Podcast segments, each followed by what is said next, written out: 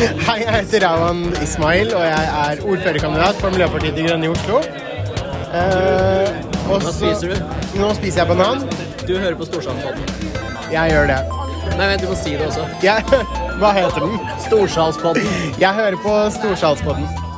Ja, det er løgn. Kan du også si du hører på Storsalspodden? Du hører på Storsalspodden. Tusen takk. God eh, kveld og velkommen til onsdagsdebatt. Det tredje skjønn her på Studentsamfunnet i Trondheim. Jeg heter Rebekka og er kveldens ordstyrer. Eh, nå skal jeg snakke litt om eh, tematikken for i kveld. I passet ditt eh, nå står det enten F eller M, altså kvinne eller mann. Likevel er det ikke alle som identifiserer seg som F eller M. I sommer vedtok Språkrådet å inkludere hen i de offisielle språknormene. Og i november 2021 gikk regjeringen i gang med å se på mulighetene for å innføre et tredje juridisk skjønn i Norge. Men hvordan skal dette fungere i praksis? Vil det påvirke lover knyttet til f.eks. For foreldreskap og kjønnskvotering? Vil et tredje juridisk skjønn åpne for et større mangfold? Eller vil de videreføre tradisjonelle kjønnsroller? Med oss for å debattere dette har vi Lars Arnesen, jurist og ekspert på juridisk skjønn. Telin eh, Alvenes fra PKI, Pasientorganisasjonen for kjønnsinkongruens. Agnes Bolsø, eh, sosiolog og kjønnsforsker ved NTNU. Og eh, Colin Boye fra Skeivt opprør.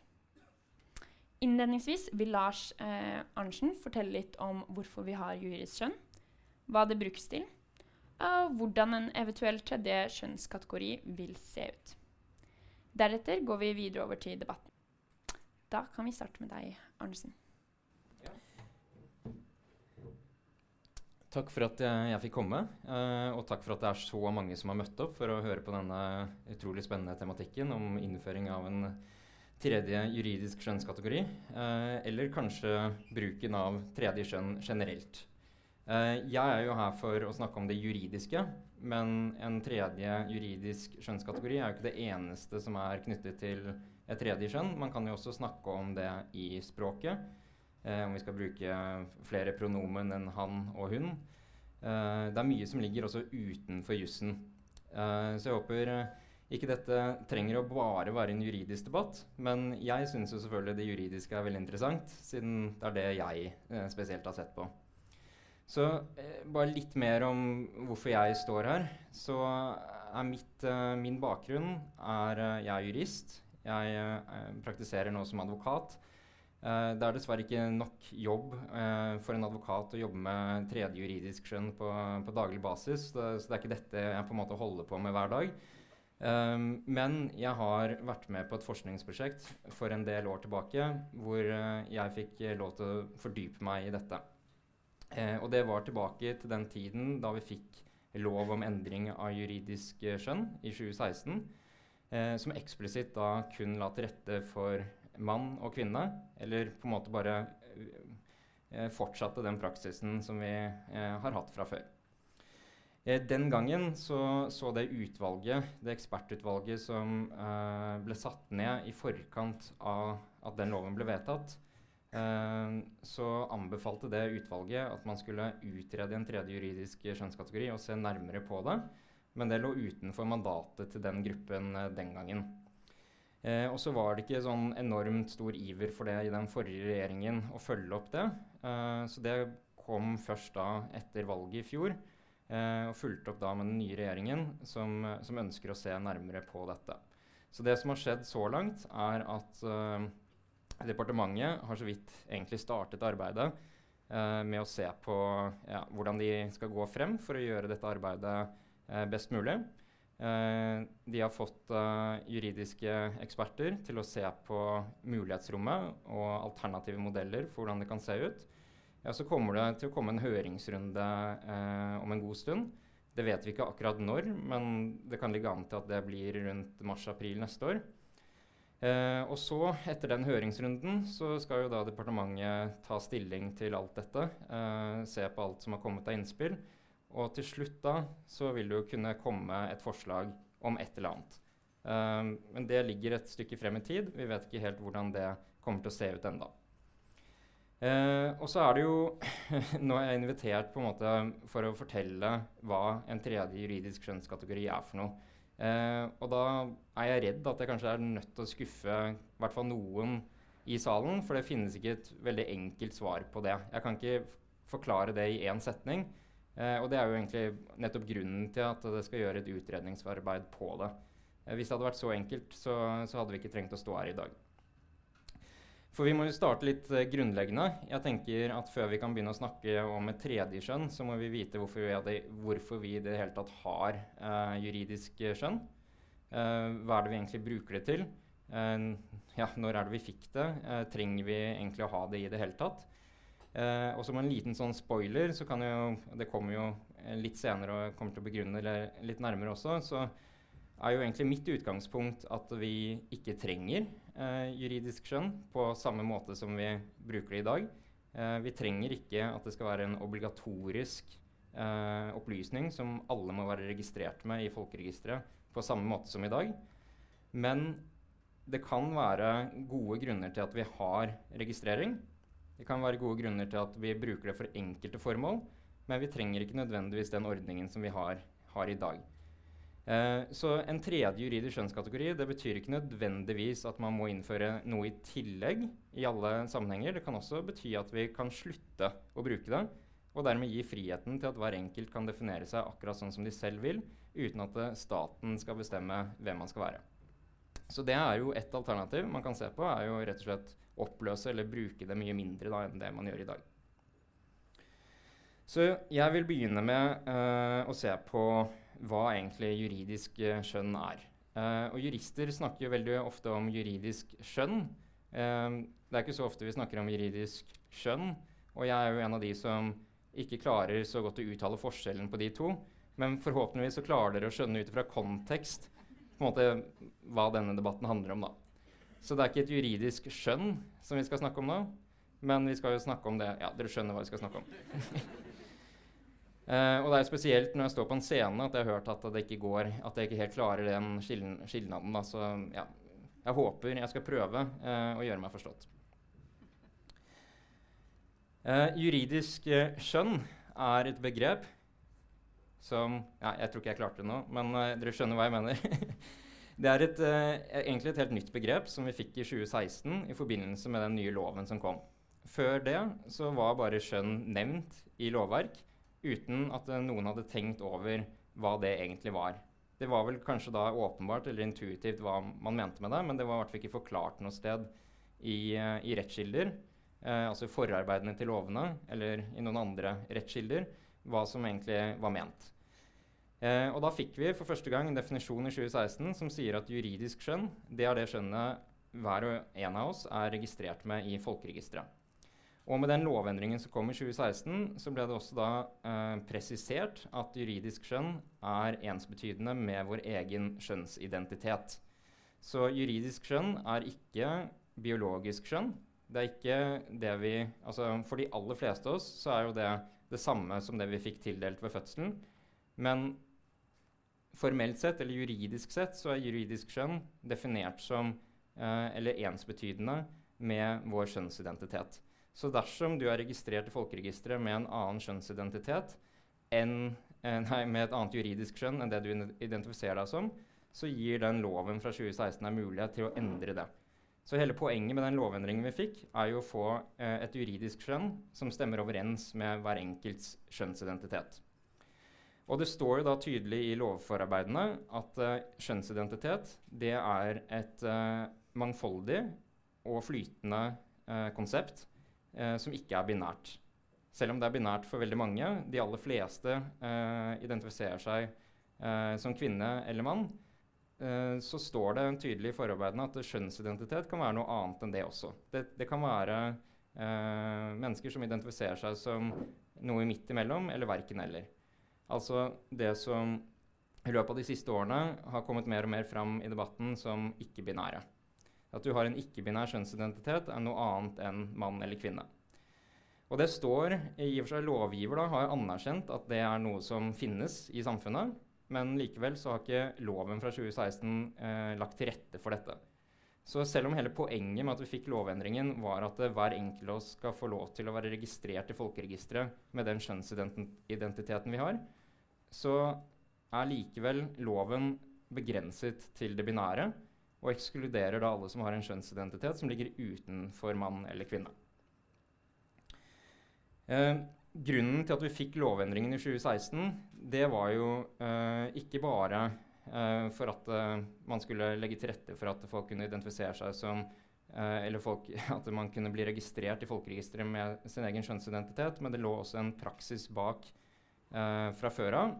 fra årene før 2016 så var det kun mulig å endre kjønn i folkeregisteret dersom man gjennomførte skjønnsbekreftende behandling på Rikshospitalet i Oslo, og det inkluderte sterilisering.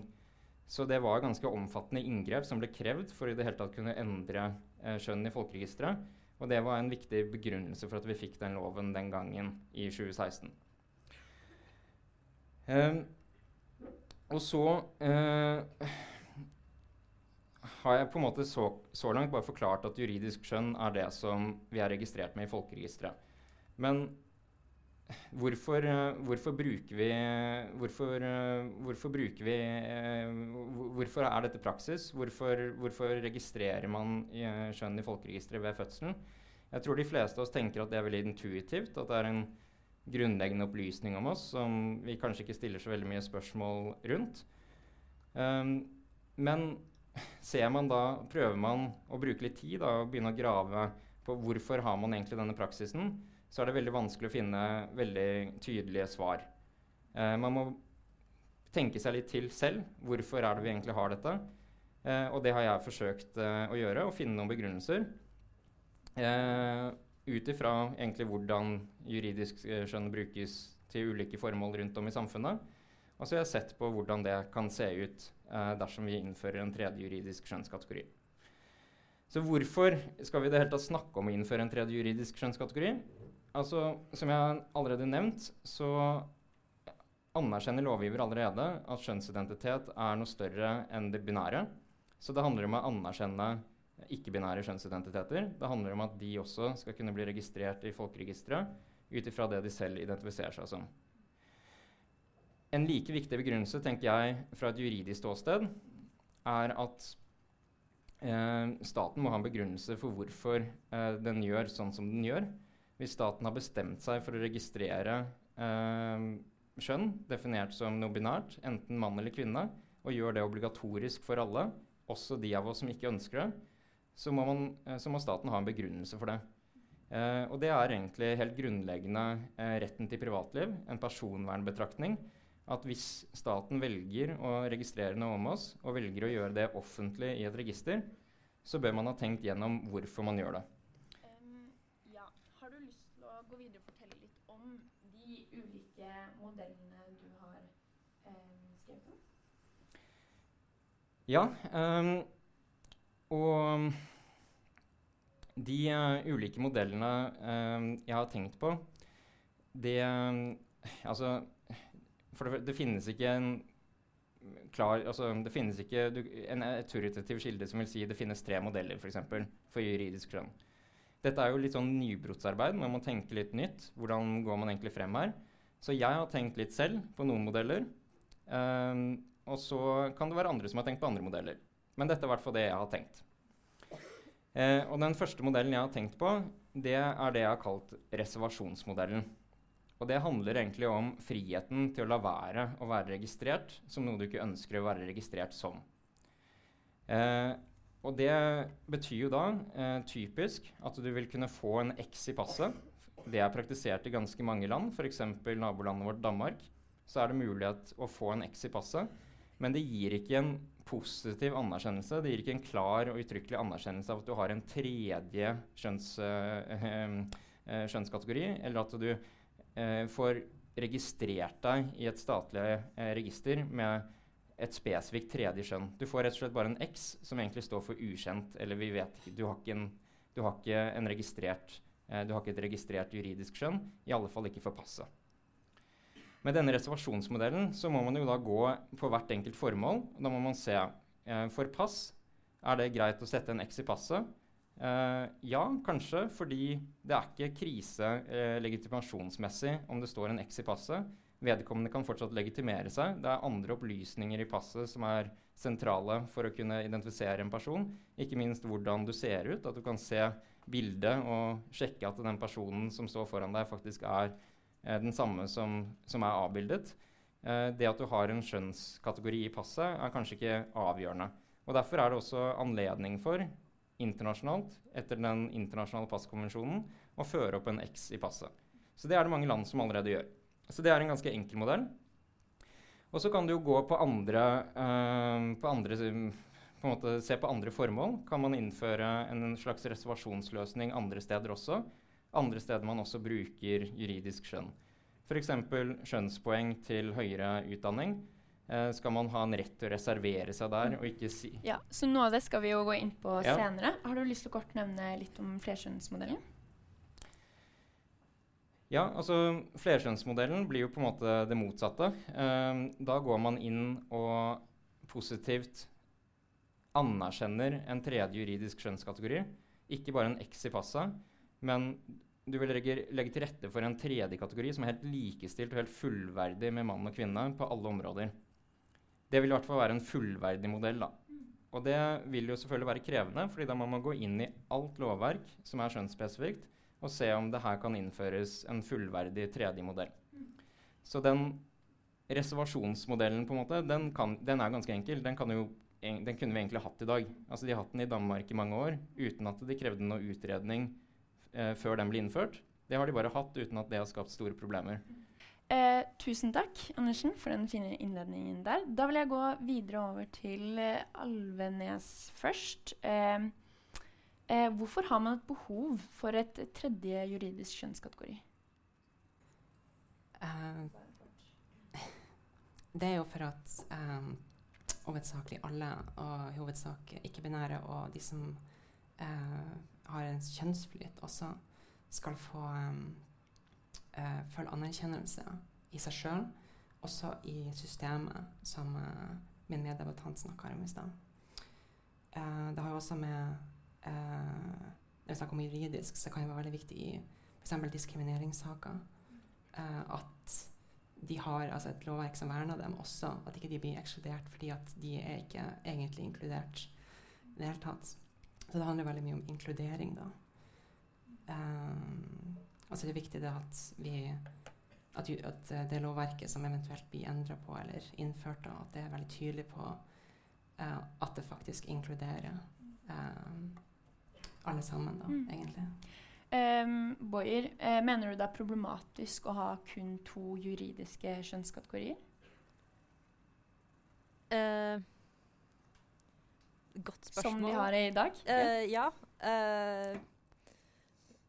Eh, ja, på mange vis. I hvert fall pga. måten det gjøres på i dag.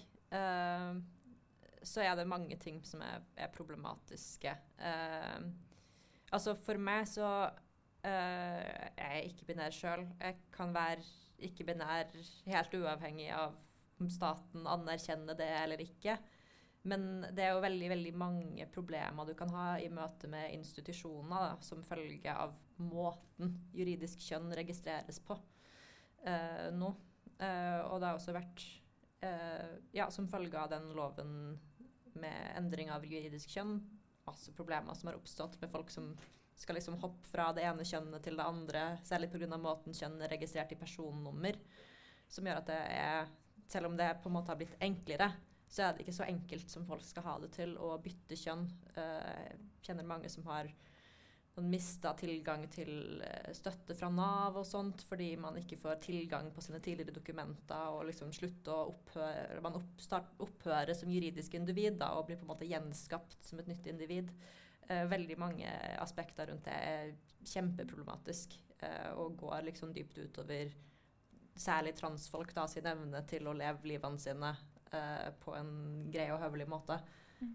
Eh, Eh, Arnesen, du nevnte jo i stad at eh, juridisk kjønn det er jo noe nytt. Eh, ikke kjønn, men eh, kjønn, eller jeg vet ikke om jeg får det til å uttale riktig forskjell. Jeg hørte ikke forskjell.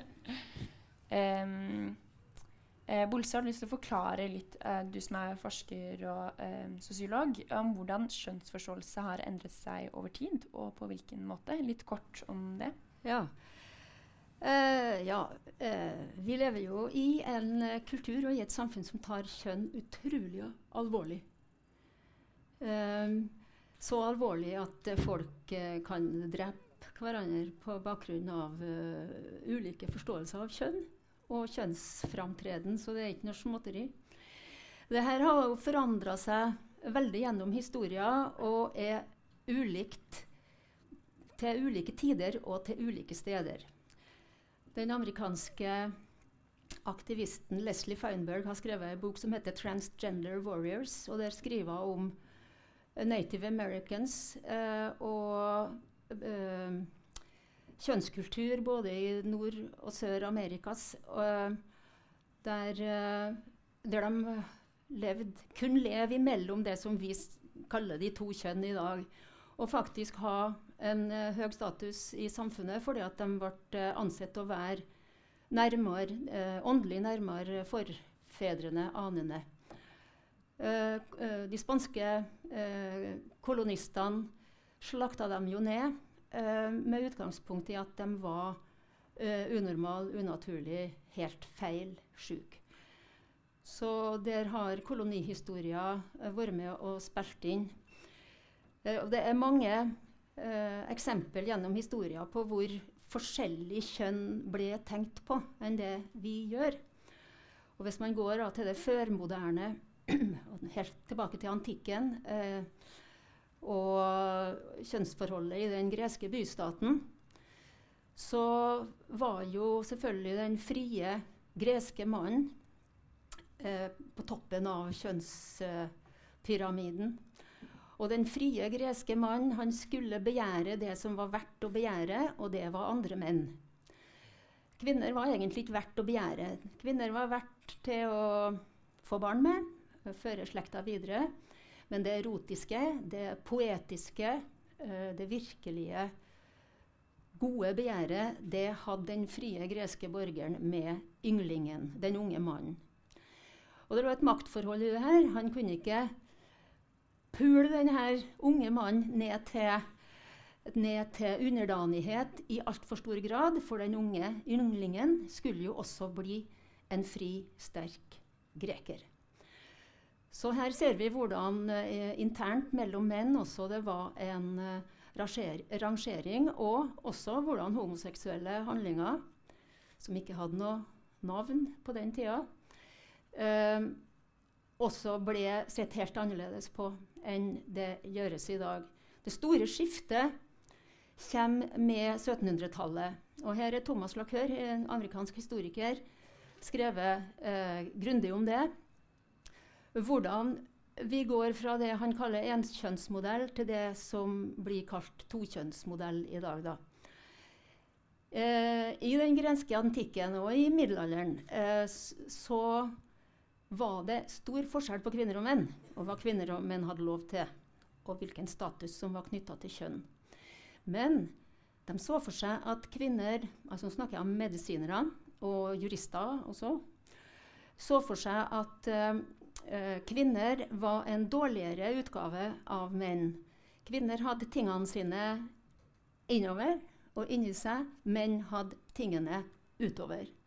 Men det betydde at uh, f.eks. en uh, fransk uh, grisepasser, en kvinne som het Marie, kunne hoppe over ei grøft og få et kraftig nedslag på andre sida av grøfta, sånn at tingene hennes datt ut. Og hun kunne bli mann. På den måten. Og søk da om å få lov å gå i mannsklær, og søk om å få rettighetene til en mann. Og det er flere saker i, uh, i europeiske domstoler der folk forandrer kjønn på den måten. Med, uh, med det moderne kjønnsmodellen. Med medisin, vi må jo si at det er ikke juristene først og fremst, det er medisinerne som nå dyrker to kjønn. Det er ikke én, ett kjønn. Det er to. Og vi er så forskjellige at det gjelder hvert et, hver en væske, hver en celle i kroppen er kjønna. Den er så kjønna at kvinners hjerne ikke kan filosofere, kvinners hjerne kan ikke tenke matematikk. Kvinners hjerne kan ikke lede, kan ikke ha embete osv. Og det er jo utgangspunktet for uh, feminismen. Uh, Tokjønnsmodellen eh, ble også trasig for homoseksuelle, selvfølgelig, eller for homoseksuelle handlinger, som nå ble sjuk. unormal sjuk. Så denne tokjønnsmodellen var utgangspunkt både for feminismen og for homobevegelser som Um, fordi kvinner og homoseksuelle vel, kommer veldig dårlig ut altså historisk, av tokjønnsmodellen. Transtematikken lå ved hele veien. Uh, og når disse bevegelsene vokste fram, uh, feminismen som bevegelse, homoaktivismen, så er transpersoner med i begge, begge bevegelsene. Eh, på 2000-tallet så får vi nye forståelser av kjønn, såkalt hver teori, eller skeiv teori. Jeg skal ikke si noe om det, for det tar litt for lang tid sånn innledningsvis. Men jeg har lyst til å avslutte denne historiske greia med at uh, det er en stor forskjell på de tre kampene. Feminismen, homoseksualiteten og transaktivismen. Og det er at tidlig feminisme og homobevegelser var mot medisinering. Vi sa det ingenting galt. Altså 18, 19, tidlig 1900-tallskvinner sa det ingenting galt med kroppene våre. Ikke ta eggstokkene mine for å, for å, feminisere meg. Ikke ta livmora mi fordi at jeg har lyst til å drive med politikk. Ikke sant? Ikke ta kroppene våre. Samme med homoseksuelle. Ikke kastrere meg. Ikke medisinere meg. La meg ikke få elektrosjokk. Konverteringsterapi. Det nye er, med transbevegelser er jo øh, den tette båndet igjen som er etablert til medisinsk endring av um, Ja, tusen takk. Um, da kan vi gå litt videre, for de nevnte med transbevegelsen. Og um, det er vikt, hvor viktig er det egentlig for en person å uh, kunne ha et X i passet. Uh, da går til deg, Boyer. Og er det egentlig tilstrekkelig å kunne reservere seg? Um, jeg, jeg, tror det kan være kjempeviktig for folk. Eh, mm. Man så jo også det med endring av juridisk kjønn at ja, veldig mange som mm. fant en utrolig trygghet og selvsikkerhet da, av å kunne oppleve å bli bekrefta på den uh, måten. Mm.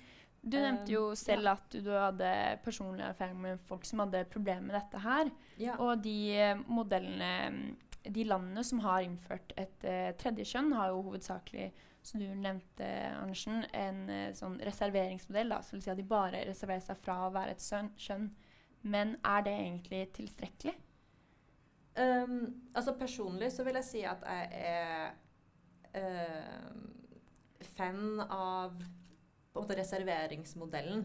eh, I kraft av at ja eh, At jeg er skeptisk til at staten skal samle all mulig slags informasjon om oss som det er utydelig om hvorfor man skal samle på. jeg er også vi lever i veldig sånn politisk usikre tider. Mm. Eh, eh, Bekymra for eh, politisk backlash. Eh, veldig mange land, mm. hvis du har X i passet, som du kanskje ikke har lyst til å reise til mm. Eh, fordi problemer kan oppstå. Eh, ja, hva tenker ja. du om dette, Alvenes? Er det tilstrekkelig å kun ha en reserveringsmodell med X i passet? Eller er det noe mer som skal til? Jeg tenker jo for mest uh, mest, ja, okay. mest, mulig inkludering, mm. eh, som vi snakka om. Eh, så det med Exit-passet er jo en del ut av det, kanskje, da, som skal være med på å gi folk muligheter, altså ikke-binære, kjønnsflyt, eller bare til og med også cis-personer. Mm. Eh, sånn at hvis de ønsker heller ikke å bli på en måte identifisert på en spesifikk måte, så kan de også reservere seg mot det. Men jeg tror også det må inn i eh, lovverket på en eller annen grunn. Eh, enten altså, justere eller endre eh, spesifikt det her med han eller hun i lovverket. At det er så Altså om det er viktig eller ikke, det trenger kanskje ikke være det, men det har veldig mye betydning for, eh, for de som leser det, og ikke-binære. Også i forhold til hvem som kan være f.eks. Eh, når vi snakker om graviditet i eh, de juridiske, altså lovverket. Mm, Så snakker nå om barneloven og Ja, ikke sant, Ja. den ting. Så snakka de jo eh, altså om mor, mor, moren, da, gjerne. Og ikke at tenk tar de liksom ikke med eh, transmenn som kan også få barn. da. Mm. Mm. Hva det står, bare sånn helt spes vet du det, hva som står i lovverket om det spesifikt? Sånn står det Om barneloven? Ja, det står eh, mor, eller Ja, ja. Ja. Eh, og det er jo også gjort unntak. Eh, lov om endring i juridisk skjønn. Eh, barneloven gjelder jo ikke der. Fordi i med den loven så innførte man også noe som heter fødselsskjønn. Og det er det man bruker eller legger til grunn ved anvendelsen av barneloven. Mm. Så det vil si at uh, det, endring av juridisk eh, skjønn gjaldt hele lovverket, med unntak av barneloven og Ja. eh, foreldreskapsloven. Etablering av foreldreskap og rettigheter knyttet Ja. til det. Du hadde en kort uh, Ja, jeg har, et Olse. spør jeg har et spørsmål til mine meddebattanter her. Og det handler om uh, selvidentifisering. Um, det er jo mange måter å identifisere seg på. Og det, for alle praktiske formål så er det kanskje like viktig å ha funksjonsnedsettelse, funksjonsfrisk, i passet. Uh, og det er jo sterk, iden sterk identitetskamp også på funksjonsnedsatthet i dag. Eh, hvorfor kjønn? Hvorfor gjør kjønn og sjølidentifisering av kjønn så viktig? Hvorfor kan ikke jeg få ha trønder i passet mitt? Det er eh, vel så viktig identitet for meg som kvinne. Uh, hva, hva er det med det her tida vi lever i, og selvidentifiseringa og mang mangelen på pragmatikk i forhold til Altså at skal staten nå kategorisere oss etter kjønnsorgan, ja vel. Ja, et veldig interessant spørsmål fra Bolse om, ja, om behovet av tredje juridisk kjønn. Eh, er det noen som ønsker å svare på det? Så du ønsket å svare på det, Andersen? Ja, jeg kan, jeg kan jo starte, men mitt utgang, altså, jeg er jo fornøyd med eh, å være oppført som mann i passet, men har ikke noe behov for å være det. Eh, jeg ser ikke noen grunn til at det skal stå i passet, men det er mitt utgangspunkt. Eh, det kan godt hende at det er andre som føler annerledes rundt det, men jeg tenker ikke at staten skal ha en plikt til å registrere opplysninger om meg, selv om jeg syns de opplysningene er viktige om meg. Altså Grunnen til å registrere en opplysning må jo være fordi det har et eller annet praktisk formål. Det må jo være fordi man trenger det eh, til forskning eller statistikk, eller fordi man trenger Altså byråkratiet trenger det da av en eller annen grunn til å anvende eh, lover og regler, til å gi meg rettigheter eller gi meg forpliktelser. Eh, jeg ser ikke noen grunn til at staten i utgangspunktet skal ha noen plikt til å registrere noe om meg eh, som de ikke ja, har en berettiget grunn til. Eh, altså en rent praktisk grunn. Eh, så det, det er mitt utgangspunkt. Jeg kunne gjerne sett at det ikke var noe skjønnskategori i passet i det hele tatt. Eh, per i nå så er jo ikke det mulig å løse fordi etter passkonvensjonen, som vi er nødt til å følge hvis uh, et norsk pass skal bli anerkjent i utlandet, så må det være en skjønnskategori der. Men det er mulig å sette en X. Mm. Har dere noe Ja, Bojer? Eh, Få en kort replikk. Ja. Uh, um, jeg, som sagt, jeg er for at det skal stå så lite som mulig eh, identifiserende informasjon i det passet. Eh, ja, du sier det er mange andre identiteter som er viktige. Man kunne satt i passet. Man har jo opp gjennom tidene f.eks. hatt religion i identifikasjonspapirer. Og det har jo også ofte hatt katastrofale følger. Eh, med religiøs forfølgelse og ikke sant, massemord. Eh, det, det, det er grunner til at vi ikke ønsker å ha alle sånne ting i de dokumentene. Da, for det Mm. gjør oss veldig, veldig, veldig utsatt. Mm. Eh, Ja, ikke det en grunn til å være Enda en grunn til at man kan være pragmatisk og unngå den X-en, f.eks. Du nevnte jo sjøl det eksempelet med hvor farlig Det kan være å komme f.eks. til Saudi-Arabia med en X i passet sitt, eller vet ikke, Saudi-Arabia var et tilfeldig eksempel. Ja, um, og det, det, er jo nettopp derfor jeg, vil, jeg vil, jeg er veldig opptatt av at når vi snakker om å putte X i passet, at vi snakker om det som en reservasjon, og ikke som en identitetsmarkør. For jeg tror det er viktig, et viktig skille der, da, også i hvor utsatte potensielt kan gjøre det. Altså, vi kunne, jo, vi kunne jo hypotetisk sett bestemt at alle i Norge har X i passet. Og da ville det jo beskytta eh, transfolk mer. For da hadde man ikke nødvendigvis tenkt, hvis noen hadde kommet til grensa, at ja, det her er en transperson. De hadde tenkt at ah, det er sånn de gjør det i Norge. Mm. Mm. Um, så um, Men da kan det jo godt hende ja. at det er noen som får et voldsomt behov for å ha mann eller kvinne i passet, da. Det, jo, det tror jeg vi mm. vil se, se i mm. debatten. Mm. Eh, så du nevnte jo, eh, Arntzen, at eh, det juridiske skjønnet ikke lenger er eh, det eh, fødelseskjønnet, eller biologiske skjønnet, etter den eh, juridiske endringen i 2016. At det er blitt Det er kjønnsidentitet nå. Um, Hvorfor er det ikke sånn at man bare kunne hatt det biologiske skjønnet istedenfor? Um ja, altså det har man jo, da. Eh, der hvor det trengs. Eller der hvor man har gått inn og gjort en konkret vurdering. I barneloven f.eks. Så ser man at her regulerer man eh, noe helt ja, konkret. Altså det er en person som føder et barn. Eh, og hvilke rettigheter den personen får eh, knyttet til den konkrete handlingen. Eh, og da nytter det ikke med skjønnsidentitet. Altså det passer ikke i den settingen. Så da man, gikk man inn og gjorde et konkret unntak for det tilfellet. Men man så ikke den gang da man gjorde dette lovarbeidet, at det var nødvendig å gjøre noen flere unntak enn det. Og det har det jo vært uh, jurister som i etterkant har kommet og sagt at dette var dårlig arbeid. Her burde man gjort en grundigere jobb. Eh, fordi uh, det arbeidet ble jo gjort ganske raskt. Det ble gjort ganske raskt fordi eh, vi sto i fare for å bli dømt i Menneskerettighetsdomstolen dersom man ikke gjorde en endring på den praksisen som var tidligere. Eh, da vi steriliserte transpersoner for å kunne få endre eh, kjønn i folkeregisteret. Så den endringen ble gjort relativt raskt. Og det kan godt hende at det kunne vært andre steder der man også eh, kunne gjort unntak, da, hvor fødselskjønn burde vært lagt til grunn. Så det, så det, må man rett og slett bare gå inn og vurdere konkret. Mm. Eh, transpersoner i Norge opplever markant dårligere levekår enn andre. Det viser en nyere rapport fra Barne-, ungdoms- og familiedirektoratet fra Bufdir. Eh, all musikken og sånn, beklager dette. Dette er et innball som skjer på huset.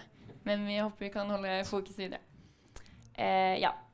Eh, transpersoner, jeg kan si det en gang til. Transpersoner i Norge opplever markant dårligere levekår enn andre. Det viser en nyere rapport fra Barne- og ungdomsdirektoratet, Bufdir. De scorer lavere på psykisk helse, og mange oppgir at de har forsøkt eller har tenkt å ta livet sitt. Um, mange argumenterer med at uh, tredje kjønn er viktig for å kartlegge og belyse statistikk om levevilkårene til ikke-binære og transpersoner. Um, hva tenker du om dette, Boyer? Om uh, Er uh, et tredje juridisk kjønnskategori viktig for å avdekke og belyse statistikk om levekårene til ikke-binære? Ja, jeg tenker absolutt det. Uh, man har jo vært fryktelig dårlig til å være konkret når man har ført uh, statistikk også over liksom, transpersoner og skeive og sånt. Det er jo f.eks. først i den siste levekårsundersøkelsen at transpersoner har fått lov til å ha en seksualitet uh, utover å være trans. Uh, så jeg tror jo at jo mer spesifikk man kan være for å avdekke hva slags, hva slags historier og opplevelser som ligger bak den statistikken, jo bedre er det. Uh, men det trenger jo ikke nødvendigvis å ta utgangspunkt i, i juridisk kjønn, men mm. det kan også det. Mm. Ja. Det trenger ikke det, nei. Ikke så det, er det mulig da å eh, innføre et tredje eh, kjønnskategori uten at det er eh, et juridisk skjønn?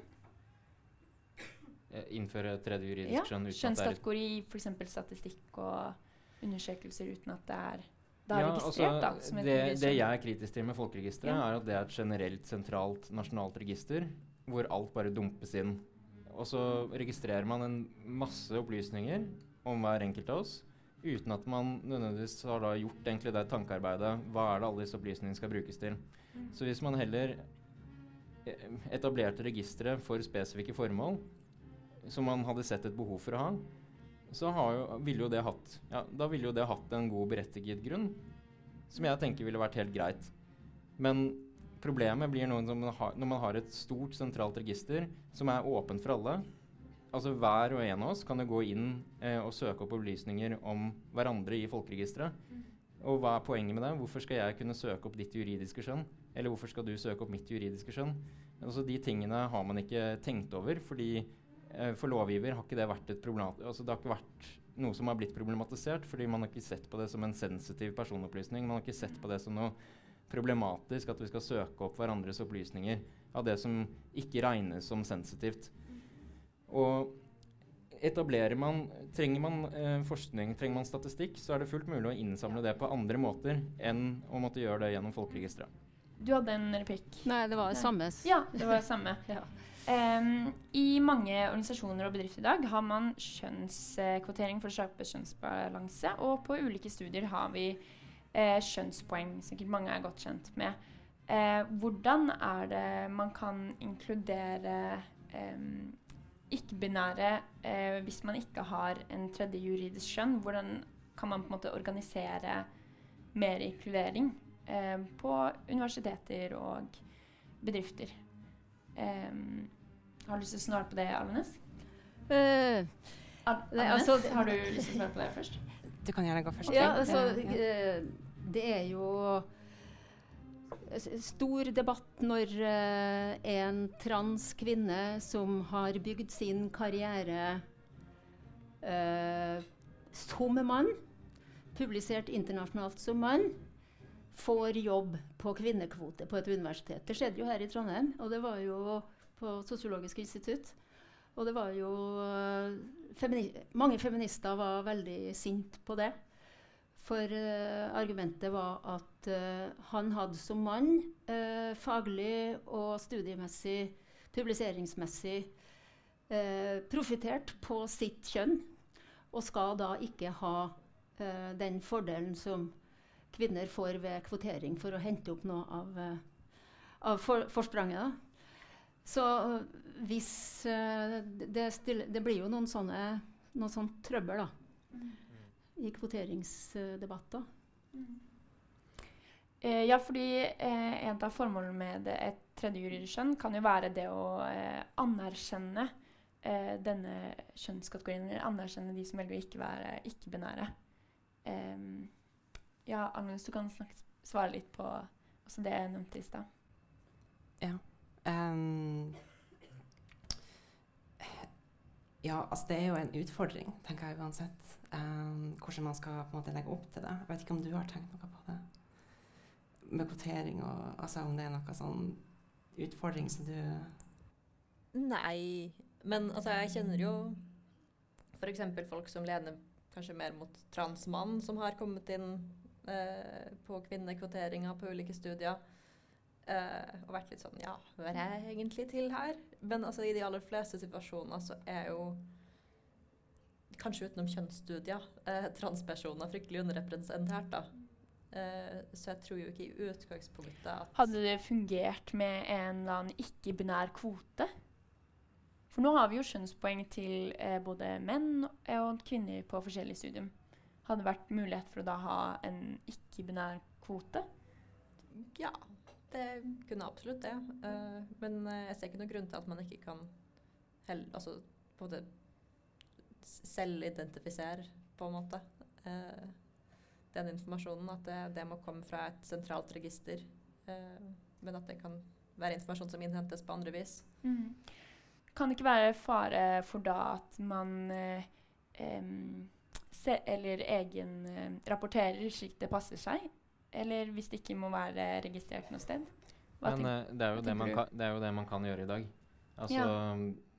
Med skjønnspoeng så vil man jo ta utgangspunkt i det som står i folkeregisteret. Og etter lovendringen i 2016 så kan jo eh, hver og en av oss endre juridisk skjønn. Det er bare en litt eh, tyngre prosess enn å bare trykke av eller krysse av i et skjema hvis du skal søke høyere utdanning. da. Så må du først gå til folkeregisteret og endre juridisk skjønn, og deretter kan du søke skjønnspoeng. Men det er jo basert på selvrapportering. Mm.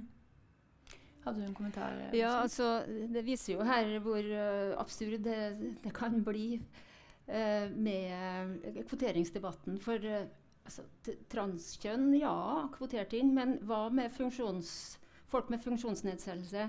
Hva med etnisk andre? Hva med andre grupper som også har trøbbel i samfunnet? Så, så den her eh, Å basere altfor mye av lovgivning på sjølidentifisering, det syns eh, jeg bringer med seg noen, en hale av store utfordringer juridisk og administrativt. Da. Alvenes, du hadde vel en eh, kommentar på det? Ehm, det kan godt hende at det kan bringe med seg noen utfordringer, det er absolutt sant. Men uh, jeg tror uansett sånn som eh, hun sier her, at det er andre også som har utfordringer, men som også har f.eks. Intersek interseksjonalitet i sine identiteter. Eh, at de har på en måte flere altså sånne bakgrunner som gjør at de f.eks. er f.eks. trans og eh, har en funksjonsinnsettelse. Eh, og da kan man tenke på kanskje ok, skulle man begynt å se på noe sånn minoritetskvotering. Men det er jo en vi har en veldig stor debatt, for det inkluderer så mye mer annet. Ja, det var noe det jeg nevnte i stad, er jo at eh, er ikke tredje juridisk kjønn en måte å anerkjenne eh, eh, ikke-binære? Hva tenker du om det? Vil tredje juridisk kjønn være en måte å anerkjenne ikke-binære?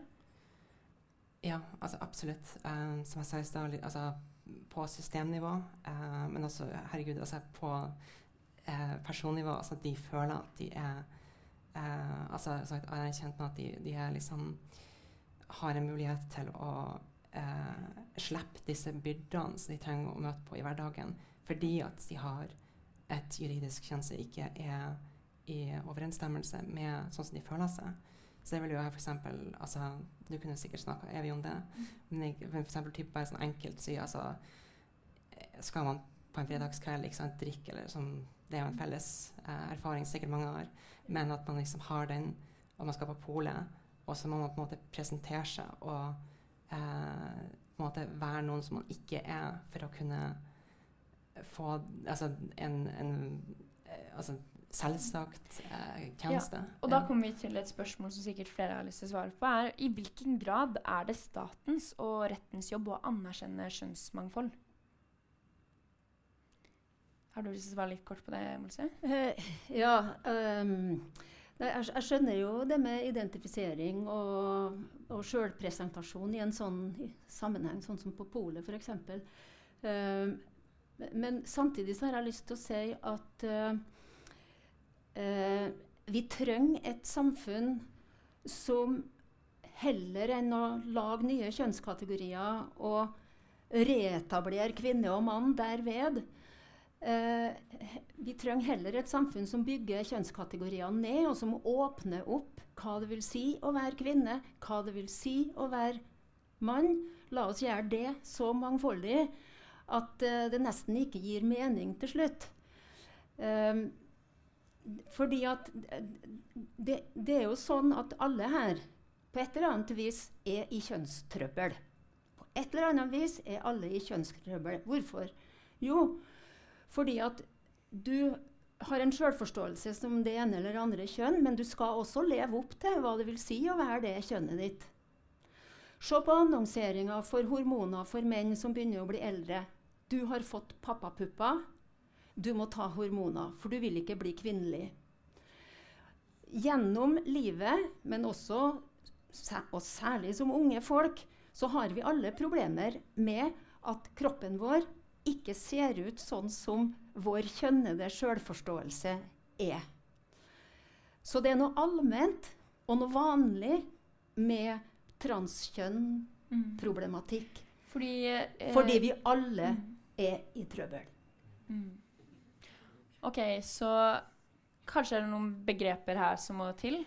Er det kjønnsdysfori versus eh, kjønnsinkongruens? Har du lyst til å forklare litt forskjellen Ja, det, på det, Alvenes. ja altså Anne. enklere forklare Å, Alvenes. Ja. sorry. Ja. um, Altså i forhold til det vi snakker om nå? Ja, hva, eller bare sånn begreper. Hva er ja, ja, ja Um, Kort forklart, hva er det begrepene? Altså Kjønnsinkongruens er jo sammensatt av to ord. da, og Det er jo altså, en kjønn, og så to er jo inkongruens, som er en uoverensstemmelse med den som man på en måte da er i, i, forhold til altså kjønn. da, Så er det at man er, føler seg ikke eh, At det er rett det som man er født som. da, eh, Eller at det rett og slett en uenighet i hvilken kjønnsidentitet du føler deg hjemme i, og hvordan kjønn du er født som. Um, mens dysfori, kjønnsdysfori er jo en, um, en ubehagelighet som man føler på. Uh, og det kan jo komme i veldig mange altså, symptomer og fasonger. Det var kanskje noe av det Bolse forklarte nå. Em, ifølge Bufdirs tall fra 2022 er kun 26% i, av befolkningen enige om at det burde finnes et tredje juridisk kjønn, mot 39 som er uenige, og 34 som verken er enige eller uenige. Eh, tror dere at eh, innføringen av et tredje juridisk kjønn eh, vil være med på å kunne endre samfunnsopinionen om eh, kategorien ikke-binær? Boyer, du kan starte med det. Um, kanskje. Kanskje både på godt og vondt. Det Ja.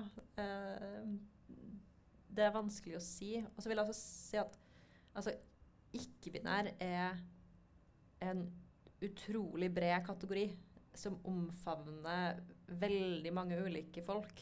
Uh, fra folk som ellers ser veldig ut som og har opplevelser som er veldig lik gjengse cis-personer, til folk som er veldig like og har opplevelser som er veldig lik eh, binære transpersoner. Eh, alle på det hele det spekteret kan av en eller annen grunn identifisere seg som ikke-binære. Eh, ja. Eh, så det er jo kanskje også en grunn til at ja, det er litt eh, også vanskelig å liksom putte en ramme på, da, noe som er liksom så grunnleggende vanskelig å, å ramme inn. Hva tenker Eh. du, Andersen? Tror du det å innføre et tredje juridisk kjønn hadde vært en måte å endre samfunnsopinionen og anerkjenne eh, det ikke-binære som en kjønnskategori? Ja, altså, jeg, jeg tenker jo at uh, lovverket kan jo bidra på, på sin måte med å være inkluderende istedenfor å være ekskluderende.